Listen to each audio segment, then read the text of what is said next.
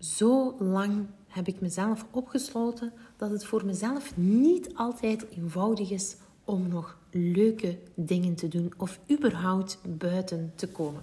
Welkom op een nieuwe podcast waarbij ik met mijn billen bloot ga om jou het inzicht te geven dat het voor mij ook niet altijd even gemakkelijk is. Weet dat alles wat ik deel, dat ik dat doe vanuit mijn eigen ervaring als ook vanuit opleiding. Elke namiddag wil ik super graag bij mijn dochtertje zijn. Een van de voorwaarden waarom ik zo graag zelfstandig wou worden, twee, drie jaar geleden, dat was vooral omdat ik vrijheid wou ervaren, omdat ik meer tijd wou doorbrengen met mijn dochter. Dus elke woensdag namiddag is voor mij een soort van heilige middag. Sluit ik om 11 uur 45 mijn computer. Wil ik bij mijn dochter zijn en wil ik leuke momenten met haar beleven. Ik wil dan gewoon echt genieten van het mama zijn. Ik wil ook mijn dochter beter leren kennen. En vooral, ik wil haar zien ontwikkelen. Want ik besef heel goed, ondertussen is ze vier en een half jaar en zal ze rap 10 jaar, 15 jaar of 20 jaar zijn waarbij mama minder en minder belangrijk wordt. Dus elke woensdag namiddag wil ik van alles. Maar het lukte me niet altijd. Vaak was het zo dat ik op woensdag namiddag thuis bleef, een dutje deed met die Laura Louise en nadien naar de turnles ging. Want op woensdag namiddag heeft die Laura Louise van half vier tot half vijf multimove.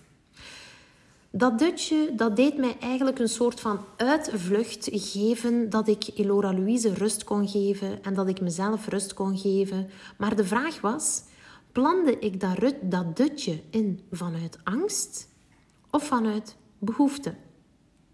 Die turnles en die babbels doen met mama's, dat kan mij ook al behoorlijk wat stress opleveren. Waarom? Omdat ik zo vaak in het verleden angstaanvallen heb gehad, waardoor er in mijn brein een soort van diep cluster is ontwikkeld. Angst voor de angst. Wat als ik buiten kom op die turnles en ik heb een paniekaanval? Wat als ik in een gesprek zit met andere mama's en ik heb een paniekaanval? Wat als? De laatste maanden ben ik dankzij verschillende oefeningen mijn eigen gedrag gaan analyseren. Wat bleek? Ik deed heel veel zaken uit angst en controle. Elke woensdag namiddag samen een dutje doen en enkel naar turnen gaan, dat deed ik uit een soort van angst omdat ik dan zo weinig mogelijk prikkels had, omdat ik dan ook niet te moe ging zijn en omdat ik dan alles wel onder controle ging hebben. Herken jij dat? Bepaalde gedragingen doen om een bepaalde controle uit te oefenen, om je toch maar zo goed als mogelijk te voelen. Diep van binnen wou ik meer doen. Ik wou samen lunchen voor het turnen. Ik wou een wandeling maken in het koopcentrum hier bij ons in het Waasland. Ik wou shoppen. Ik wou een ijsje eten. Ik wou op de molletjes zitten die dat we hier in het shoppingcenter hebben. Met andere woorden, ik wou buiten komen met mijn dochter en samen dingen doen op woensdagnamiddag. Enkele weken geleden, op een mooie woensdag, scheen de zon en ik voelde een soort van extra kracht. Ik zat in een bepaalde energie en ik was er mij bewust van geworden dat ik de woensdag niet beleefde vanuit behoefte, maar vanuit angst. Ik had ook het gevoel dat ik een beetje tekort schoot als mama. Dus ik ging Elora Louise oppikken na school en ik liet haar de keuze. Gaan we een lekker broodje eten bij de broodjeszaak hier achter de hoek? Of gaan we naar het koopcentrum lekker lunchen en nadien op de molentjes zitten? Ik stelde bewust de vraag aan Elora Louise zodanig dat ik zelf geen keuze zou kunnen maken uit angst of uit controle. Want heel eerlijk, als ik mocht kiezen, dan ging ik gewoon terug naar huis, thuis een boterhammetje eten, in die zetel een dutje doen en daarna naar de turnles. Want die turnles, dat was voor mij al een grote trigger genoeg. Nu, Elora Louise die was al heel snel tot de beslissing gekomen dat ze naar het koopcentrum wou gaan. De gedachte alleen al dat ik naar een koopcentrum moet gaan, activeert onmiddellijk mijn stresssysteem. Wat als ik een paniekaanval krijg? Wat als ik niet deftig voor Elora Louise kan zorgen? Dat is toch niet verantwoord? La, la, la. Gelukkig weet ik vandaag heel goed dat ik met die gedachten mag omgaan, dus het bepaalt niet langer mijn namiddagen. Je kan gerust op Instagram via mijn stories gaan kijken hoe ik mijn leven leid als iemand met een angststoornis. Want daar deel ik heel vaak wat is mij gelukt, wat is mij niet gelukt. Burnout Buddy op Instagram. Maar dus, eens aangekomen in het koopcentrum bleek het behoorlijk rustig te zijn. Dat was een soort van heerlijk gevoel en een soort van heerlijke opluchting. En ik zei tegen mezelf, oh, dat gaat hier wel lukken in dat koopcentrum. Het is hier niet druk. Zalig, een paniekaanval. Oh, dat zal niet uitbreken hoor. Ik ga met Laura Louise aan een tafel zitten. Zo een tafeltje dat heel dicht bij de molentjes staat. Zo kan ik op mijn gemak iets drinken en kan zij zich amuseren met die molentjes. En wij zitten nog geen vijf minuten aan tafel en Laura Louise was niet bepaald vriendelijk tegen mij. Ze was moe, ze was hangerig, ze wou niet praten met mij en ze wou vooral bezig zijn met mijn telefoon. En toen gebeurde het. Ik kreeg, een, ik een intense onrust over mij heen, omdat Laura Louise niet met mij wou praten en omdat ik dus eigenlijk geen afleiding had voor mijn angst onder controle te houden. Dus ik kreeg ineens een intense reactie over heel mijn lijf van... Laura Louise die wil hier niet praten met mij. ik heb hier geen afleiding. straks ga ik een paniekaanval krijgen.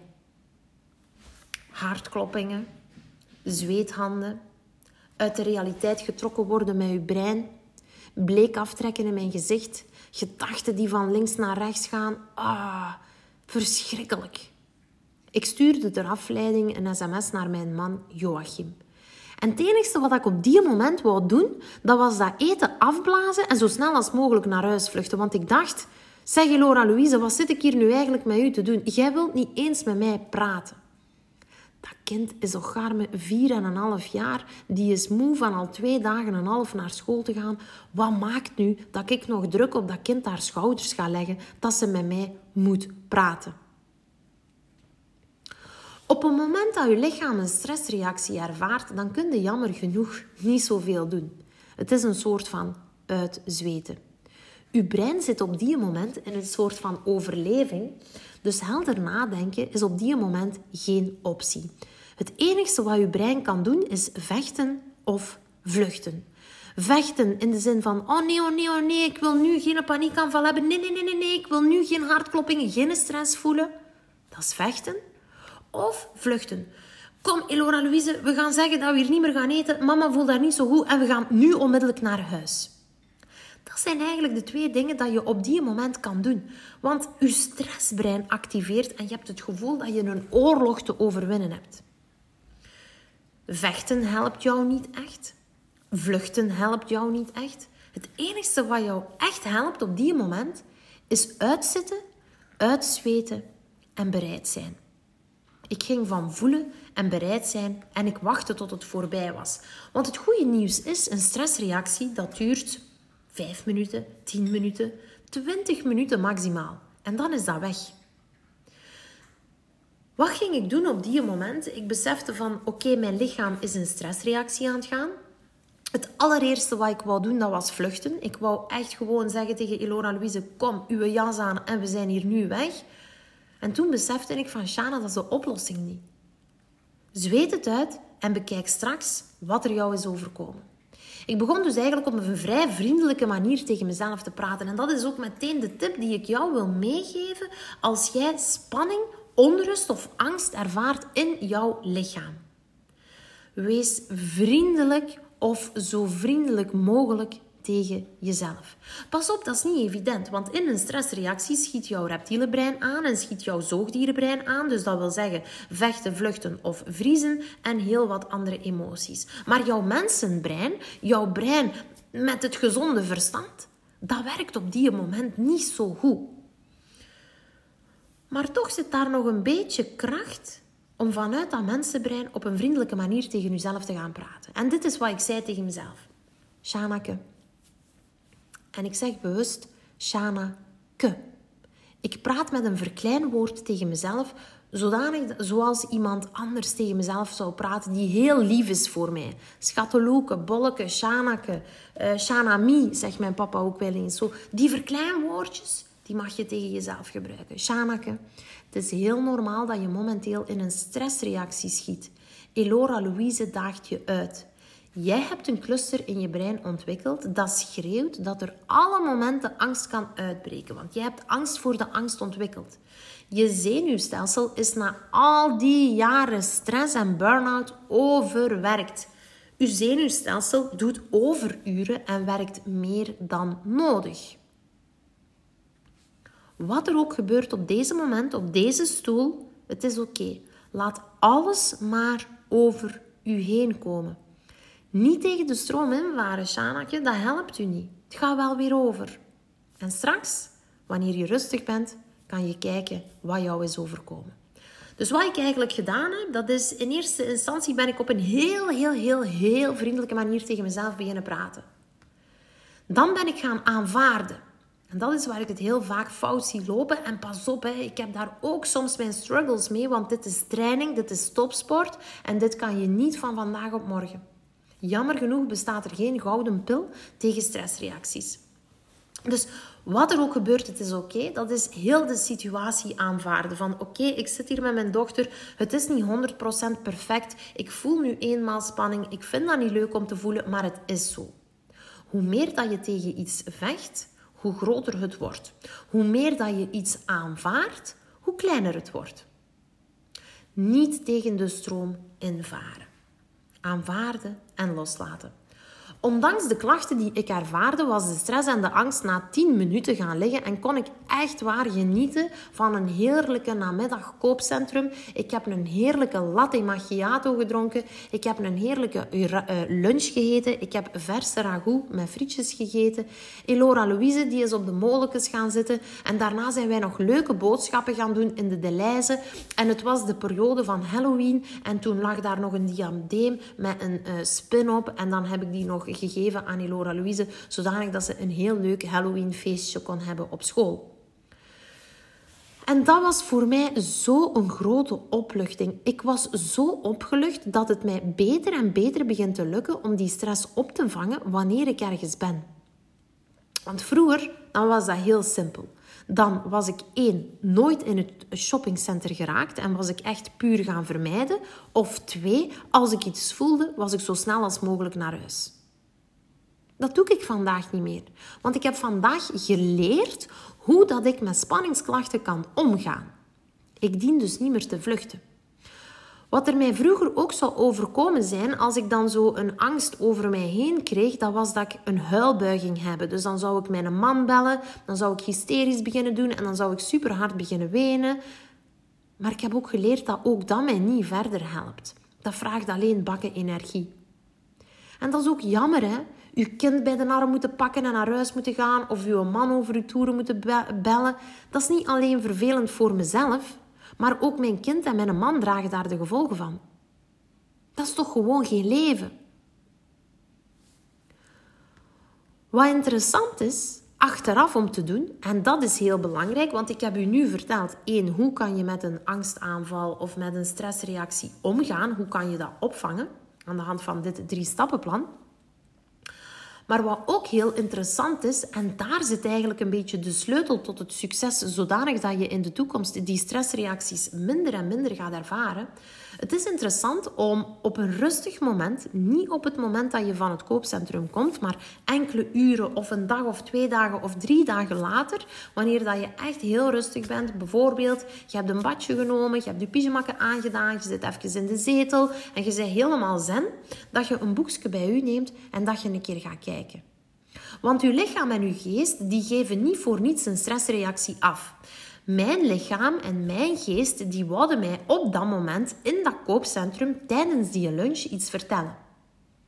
En mijn advies is om echt te leren kijken van op een afstand waar dat ik dan precies bang voor was op die moment.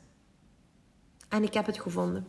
Ik was super bang om te falen. Ik heb ook heel veel last van faalangst. Heel veel mensen geloven dat niet, want ze zien mij een podcast opnemen. Ik geef webinars voor 500 mensen. Ehm, ik begeleid mensen. Ik doe heel veel. Uh, heel veel dingen dat sommige mensen niet durven. Maar ik heb ook faalangst, sowieso. Ik ben daar gewoon mee leren omgaan. Dus natuurlijk in dat koopcentrum, wat was mijn probleem? Die faalangst die was weer super hard komen opsteken. Want ik was zo bang om een paniekaanval te krijgen. Alsof dat, dat de grootste schande op aarde is. Van ik zit hier met mijn kind aan tafel. Mijn kind wil wat met de gsm bezig zijn. En ik heb hier een paniekaanval. Wat voor een mama ben ik? En diep van binnen ben ik ook super bang voor afwijzing. Niet alleen van de omgeving, maar ook van mijn dochter. Dus toen wist ik het weer. Potverdikke, die faalangst, dat meende toch niet.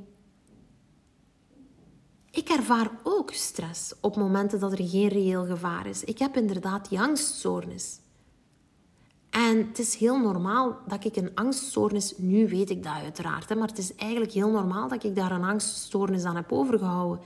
Ik heb jaren onder hevige stress gestaan, ik heb daar nooit iets aan gedaan. En bovenal, ik ben twee keer door een burn-out gegaan, waarbij dat echt de stekker wordt uitgetrokken. Dat is niet te onderschatten wat dat doet voor uw zenuwstelsel. Dus ja, ik voel daar vandaag nog een beetje naweeën van. Zo zeg ik het altijd. Ik heb op momenten nog stress wanneer er geen stress hoeft te zijn. En dat is omdat mijn lichaam jaren stress heeft geproduceerd. En soms denkt mijn lichaam nog, oh, ik moet nog wat stress aanmaken. Want dat is hoe het werkt bij Shana. Maar ondertussen is dat natuurlijk niet meer zo, maar mijn lichaam doet dat nog wel. Dus het is heel belangrijk als jij vandaag uit een burn-out komt, dat je beseft dat er nog altijd naweeën kunnen zijn. Die zijn veel minder intens. En als je die leert opvangen, dan ga je zien dat je stress meer en meer gaat verdwijnen. Als jij niet weet hoe jij dient om te gaan met stress of met angstklachten, zoek dan hulp. Dat is mijn grootste tip dat ik jou kan meegeven. Ik heb jaren, zeer specifiek, eh, vanaf 2016 tot dit jaar heb ik nooit durven zeggen dat ik een angststoornis had. Ik heb altijd durven zeggen dat ik een burn-out had, maar een angststoornis, dat was voor mij als een soort van next level, die mankeert iets. Dat had ik mezelf, uh, dat had ik mezelf zo wijs gemaakt, omdat dat in mijn mama haar leefwereld zo heel fel leeft. Als je mentaal iets mankeert, ja, dan mankeerde iets gewoon. Hè? Dan wordt een beetje afgewezen. Maar sinds ik zo openlijk over mijn angststoornis praat, is er eigenlijk al heel veel opluchting bij mij. Um, ik krijg zoveel hulp aangereikt. Ik krijg zoveel mensen die meedenken met mij. Ik krijg zoveel appreciatie. Um, onlangs kreeg ik nog een berichtje van: Hey Shana, ik, uh, ik stel bij mezelf vast dat ik echt heel veel stressklachten heb. Wat is het allereerste dat jij mij aanraadt? En ik heb haar gezegd: praat erover met je omgeving. Dat je er niet met iedereen over praat, dat begrijp ik. Maar de mensen die je echt super graag ziet en waarbij dat jij je echt veilig voelt, communiceer dat. Pak dat vast en praat erover. Ween erover, lach ermee. Het maakt niet uit, maar zorg dat die emoties uit dat potteke kunnen. Alright? Hier nog even een samenvatting. We hebben het zowel gehad over hoe ga ik nu zeer specifiek op met stress of angstklachten. Dat is een verkort stappenplan, want dat stappenplan kunnen we nog verdiepen. En we hebben het ook gehad over het belang van terugkijken naar de situatie en eigenlijk op zoek gaan waar je in de kern bang voor bent. Daar heb ik ook een volledige oefening over in mijn online programma. Heb ik in deze podcast iets minder over gebabbeld, maar dat is ook een superbelangrijke stap. Um, dus de moment dat jij vervelende gevoelens ervaart, ga naar dat gevoel en leer bereid zijn. Dus de moment dat ik op die stoel zat in dat koopcentrum, ben ik echt gaan voelen: oké, Shana, wat voel jij nu allemaal in je hoofd en in je lichaam? Ik ben op een heel vriendelijke manier tegen mezelf beginnen praten, waardoor dat ik het uiteindelijk kon loslaten en ook kon aanvaarden. En op een rustig moment ben ik dan gaan terugkijken en gaan onderzoeken van oké, wat is daar nu eigenlijk gebeurd in dat koopcentrum? Wat heeft er nu eigenlijk voor gezorgd dat ik zoveel stress heb ervaren? Dit was mijn podcast voor deze week. Ik zou zeggen, heb jij last van stressklachten, angstklachten en weet jij niet goed hoe je daarmee kan omspringen? Beluister dan zeker deze podcast, want het is niet te onderschatten welke waarde hierin zit. Weet ook dat door één keer naar deze podcast te luisteren, jouw leven niet gaat veranderen. Je dient echt aan de slag te gaan met bepaalde oefeningen om op de lange termijn resultaten te hebben. En heb je zin om persoonlijk vragen aan mij te stellen, kan je mij altijd volgen op Instagram Burnout Buddy Shana en mag je mij steeds een chatbericht sturen om jou een beetje te helpen. Heel veel goede moed, bedankt voor het luisteren en graag tot een volgende keer. Herken jij jouw stresssignalen? Weet jij hoe het met jou gaat? Doe de test aan de hand van deze podcast. En stel jezelf eens volgende vragen. Ervaar jij op dit moment een gejaagd gevoel? Herken jij jezelf niet meer? Heb jij het gevoel dat je echt moe bent? Dat je gedachten het overnemen? Hoogstwaarschijnlijk wel. Want anders zou je deze podcast niet aan het beluisteren zijn. Anders zou je Burnout Buddy Shana niet volgen. Want de mensen die mij volgen, die zoeken een antwoord op stressklachten, op burn-out klachten en op angstklachten. Nu, het is heel interessant om te leren welke signalen jouw lichaam en jouw geest afgeeft om stress op te merken. Heel vaak is het zo dat mensen zeggen: En ineens, van de ene dag op de andere, zat ik in een burn-out, Shana? ik geloof dat, want dat was bij mij ook zo. Van de ene op de andere moment had ik een paniekaanval in de wagen, reed ik naar de huisdokter en kreeg ik de diagnose burn-out. Maar heel eerlijk, met alle kennis die ik vandaag heb, ik liep daar al jaren mee rond en ik kreeg al jaren signalen. Alleen, ik wist niet dat dat stresssignalen waren. Ik dacht dat dat normaal was aan het mens zijn of dat dat normaal was aan Shana zijn. Maar dat is niet zo. Want zo goed als al die stressklachten, die zijn naar de achtergrond verdwenen. Halleluja. Eerst en vooral is het belangrijk om bij jou te weten hoe het momenteel met jou gaat. Want als jij niet weet hoe het met jou gaat, ja, dan kan je die problematiek ook niet gaan aanpakken.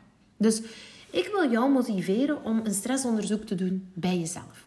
Wat is belangrijk om een stresstest in te vullen? Dat is eigenlijk dat je gaat kijken op vier verschillende domeinen hoe hoog of hoe laag je scoort.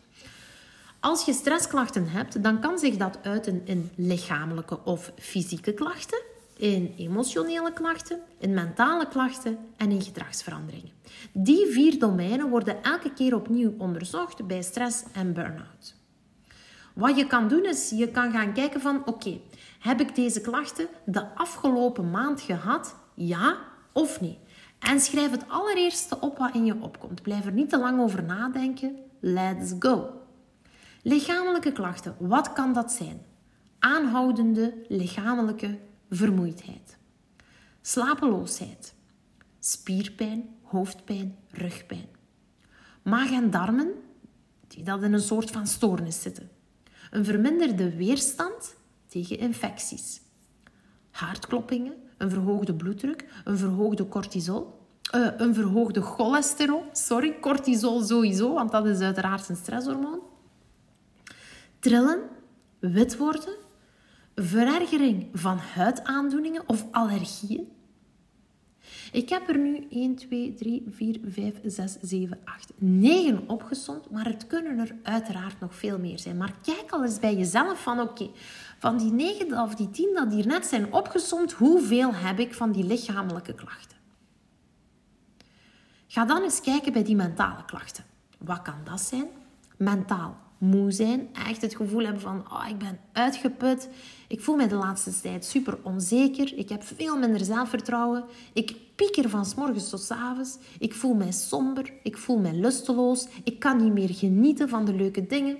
Ik heb last van concentratieverlies, vergeetachtigheid. Ik heb een heel gejaagd gevoel in mijn lichaam, alsof dat ik niet tot rust kan komen. Ik loop heel prikkelbaar en geïrriteerd. Ik heb huilbuien. Ik voel angst. Ik ben misschien ook wel heel koppig en totaal niet flexibel. Kijk weer eventjes voor jezelf hoe hoog je scoort 1, 2, 3, 4, 5, 6, 7, 8, 9, 10 op deze 10 punten. Ga dan ook eens kijken de afgelopen maand hoe het is gelopen met jouw gedrag. Ben jij op een bepaalde manier van gedrag beginnen veranderen de laatste maand? Wat kan dat zijn? Minder gaan presteren, meer fouten gaan maken, heel chaotisch te werk gaan, sociale contacten vooral uit de weg gaan, ben je meer gaan roken, alcohol gaan gebruiken of drugs gaan gebruiken? Of ben je meer gaan eten? Slaap je meer dan anders? Heb je meer kalmeringspillen genomen of kalmeringsmiddelen genomen? Zit je versuft voor tv te hangen en kom je vaak te laat of ga je eerder weg van je werk? Kijk ook daar eens eventjes hoe je daar scoort. En als laatste domein is het belangrijk om te gaan kijken hoe het de laatste maand met jouw emoties is geweest. Heb jij het gevoel van op te zijn? Dat je niet meer kan ontspannen? Dat je een gejaagd en prikkelbaar gevoel hebt? Dat je emotioneel reageert en dat je veel meer weent dan anders? Heb jij het gevoel dat je niet tegen de drukte kunt? Dat je snel geïrriteerd bent? Dat je je zorgen maakt? Dat je een verlies hebt aan zelfvertrouwen? Dat je ontevreden bent over je eigen prestaties? Dat je het gevoel hebt dat je de controle kwijt bent? Dat gewone taken jou te veel worden? Dat je een soort van verandering in behoefte, intimiteit voelt? Dat je jou lusteloos voelt, somber, machteloos? Dat je een beetje cynisch of afstandelijk bent geworden? Analyseer dat terug eventjes voor jezelf. Hoe scoor jij op die emotionele klachten? Wist je trouwens dat het merendeel hoog scoort op emotionele klachten of emotionele ontregeling? Als ik zelf een marktonderzoek doe en ik laat de vragenlijst invullen, dan merk ik altijd dat die emotionele klachten de bovenhand nemen en dat dus die emoties de pan uitswingen. Wist je dat blijven rondlopen met stressklachten, dat dat echt zeer ongezond tot gevaarlijk is? En daarmee bedoel ik levensgevaarlijk is? En wist je dat jouw lichaam eigenlijk op een heel vriendelijke manier probeert te communiceren dat er iets niet klopt in jouw leven vandaag? Als jij vandaag geen idee hebt hoe dat je met die stresstest mag lezen, dan help ik je hier graag nog eventjes verder. De test die we nu eigenlijk aan het invullen zijn, dat is de KISS-test. Dat is een kwalitatieve inventarisatie van jouw spanningsklachten. En het is dus heel gemakkelijk om aan de hand van deze test een inzicht te krijgen in jouw klachten. En je mag die vragenlijst, we zijn hem nu wel via podcast aan het, uh, aan het overlopen, maar je kan hem ook altijd uh, mij een berichtje sturen op Instagram of je kan jou inschrijven op mijn nieuwsbrief en dan krijg je de echte uh, stresslijst en dan kan je die zo gaan aanvinken. Maar die kan je dus ook meenemen naar jouw huisdokter, want jouw huisdokter heeft meestal maar tussen de 5 en de 10 minuten de tijd om een diagnose te stellen. Dus als jij een stresstest meepakt, dan maakt dat voor jouw huisdokter de situatie al veel duidelijker, als ook gemakkelijker. Wat ook heel belangrijk is om bij elke stressklacht een keer te gaan kijken van oké, hoe groot is die stressklacht nu? Want soms heb ik mensen en die zitten maar alles aan te duiden, maar is dat iets waar dat je heel hoog op scoort? Bijvoorbeeld niet tegen druk te kunnen of valt dat eigenlijk wel nog veel goed mee, maar heb je daar soms eens last van? Het zou ook kunnen zijn dat je één klacht heel fel voelt en alle andere klachten iets minder zijn. Dus het is heel belangrijk dat je die stresstest ook juist interpreteert. Als je merkt dat je nul klachten hebt, ja, bijna niemand heeft nul klachten. En lieve mensen, iedereen ervaart wel eens een keer stress. Dat is ook heel gezond. Of als jij het gevoel hebt dat je nul klachten hebt, kan het ook zijn dat jij de stressklachten niet herkent. Heb je het gevoel dat je tussen de 1 en de 5 klachten zit? Wel, bijna de helft van de mensen die scoort tot 5 signalen. Je hebt wel eens een keer klachten, maar dat hindert jou niet echt in het dagelijks leven. Picobello, doe zo verder. Ervaar jij tussen de 6 en de 10 klachten, dan gaan we zien dat ongeveer een kwart van de bevolking een periode heeft um, waarbij dat ze toch wel 6 tot 10 klachten ervaren.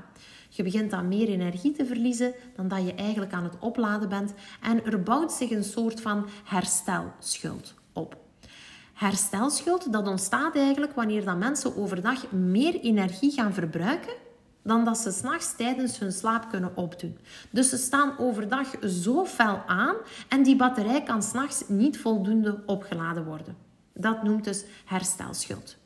En daarbij kunnen we dus ook uh, een tekort krijgen aan energie. We kunnen dan lichamelijk uh, ons minder beginnen voelen, enzovoort en zo verder. Het kan ook zijn als je tussen de 6 en de 10 klachten hebt, dat jij mogelijk al gewend bent geworden aan die aanhoudende klachten. En dat zorgt er dus voor dat we op voorhand niet altijd heel goed kunnen inschatten van hé, hey, dit zijn stressklachten, want je hebt het gevoel dat dat normaal is aan jouw leven. Om een voorbeeld te geven, ik heb jaren last gehad van eczeem. Ik heb dat op vandaag niet meer. Maar ik weet wel dat dat een aanhoudende klacht was. En ik had gezegd van, oh ja, maar ik heb dat door. Ja, ja, ik heb een gevoelige huid. En eigenlijk was dat op die moment al een moment voor mezelf om in te zien dat ik al een beetje terug mocht gaan schakelen en dat ik al wat meer rust mocht gaan nemen of vooral dat ik me minder druk ging maken om bepaalde dingen. Een bezoek aan de huisarts of de bedrijfarts is aangeraden als je tussen de 6 en de 10 klachten ervaart. Heb je tussen de 11 en de 15 klachten, dan loop je echt wel een risico om oververmoeid of overspannen te raken. Het lichaam waarschuwt echt stevig als je al richting de 15 klachten gaat, uh, dat er echt iets moet veranderen om erger te gaan voorkomen. Het lichaam raakt stilletjes ontregeld. Je bent mogelijk op weg naar een burn-out, maar dat is daarom geen zekerheid. Ook hier is het weer heel belangrijk om die stresstest te gaan interpreteren. Belangrijk is wel bij de 11 tot 15 klachten dat we echt al gaan adviseren om u te laten begeleiden richting coaching. Ook hier is een bezoek aan de huisarts of bedrijfarts aanbevolen.